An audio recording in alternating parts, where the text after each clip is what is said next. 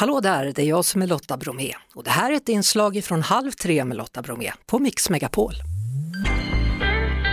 Och nu ska vi prata med språkvetaren Sara Lövestam. Jag läste en avhandling alldeles nyss som visar att det vi stör oss allra mest på det är särskrivningar på sociala medier. Hallå Sara! Hej! Hej! Stör du dig också på särskrivningar? Nej, inte så mycket faktiskt. Jag tycker inte det är så mycket särskrivningar. Nej. Eh, eller i alla fall tycker jag inte det har blivit eh, fler. Nej, jag skulle inte säga att, ja men det är klart om jag skulle läsa i en tidning eller en eh, roman, då skulle jag reagera. Men mm. där brukar det sällan finnas särskrivningar. Nej, men jag blir nog mest road. Det är ju kul ifall det kommer en sån där lustig särskrivning typ som förändrar hela betydelsen. En brunhårig sjuksköterska? Typ det ja. En ja. brun, hårig sjuksköterska?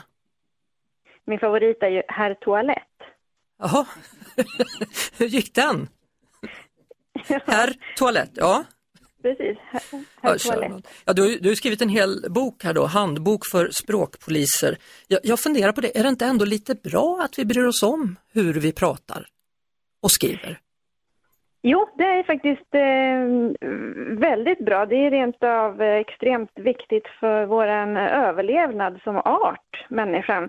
Eh, för vi har ju språket. Språket, he, hela språket är bara en stor överenskommelse där i och med att vi är överens om vad ord betyder och vilken ordning de ska komma för att betyda en viss, eh, ha en viss betydelse så kan vi kommunicera på en väldigt komplex nivå. Alltså andra djur kan ju kommunicera med varandra, mm. men vi kan kommunicera om vad som ska hända i framtiden, vad som har hänt förut, vad som skulle kunna hända, vad som skulle hända om någonting annat hände. Vi kan sätta ihop ord och så betyder de olika saker. Men som här, en herrtoalett betyder något helt annat än herrtoalett, eh, mm. vilket inte existerar. En brunhårig sjuksköterska är något annat än en brunhårig sjuksköterska. Ja. Så att bara att vi eh, förändrar vår melodi, skriver ihop eller skriver isär så, så betyder det olika saker. Och om vi då inte är överens, då försämrar det kommunikationen. Och vi är ju ett extremt flockdjur, människan, mm. på det sättet att vi behöver varandras information hela tiden. Så därför har vi nästan som en evolutionär fördel om vi hela tiden påpekar när andra inte följer den här överenskommelsen. Så det kan man säga är orsaken. Ja, du brukar ju skriva om, om språk i bland annat Svenska Dagbladet då, och i veckan så eh, pratade du om, eller skrev du om dem. Ja, det, det, hela våren har vi haft eh, lite så dom-debatt. Eh, alltså huruvida eh, vi ska byta ut de och dem mot då ett enhetsdom, mm. DOM. Vad tycker du? Eh, och, ja, men jag brukar säga att om du, om du vet att du lätt gör fel på det och dem, då är det mycket bättre att bara skriva dem eh, rätt över, för både det och dem.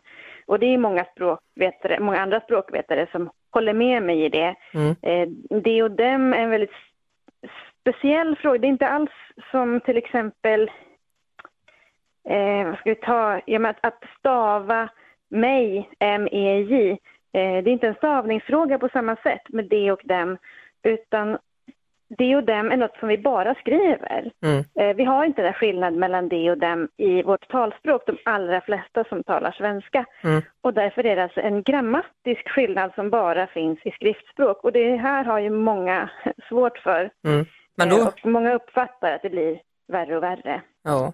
Sara Lövestam, ja. ja. det finns hur mycket som helst att prata om så jag föreslår att du kommer till mig i augusti när vi kör igång programmet igen. Vad tror du om det? Bra idé. Då, då ja. bestämmer vi så och så tackar jag för idag. Vi säger så. Toppen, ja. hej så länge. Ja. Hej då. Det var det. Vi hörs såklart igen på Mix Megapol varje eftermiddag vid halv tre. Ett poddtips från Podplay. I fallen jag aldrig glömmer djupdyker Hasse Aro i arbetet bakom några av Sveriges mest uppseendeväckande brottsutredningar. Går vi in med hemlig telefonavlyssning och, och då upplever vi att vi får en total förändring av hans beteende. Vad är det som händer nu? Vem är det som läcker? Och så säger han att jag är kriminell, jag har varit kriminell i hela mitt liv men att mörda ett barn, där går min gräns. Nya säsongen av Fallen jag aldrig glömmer på Podplay.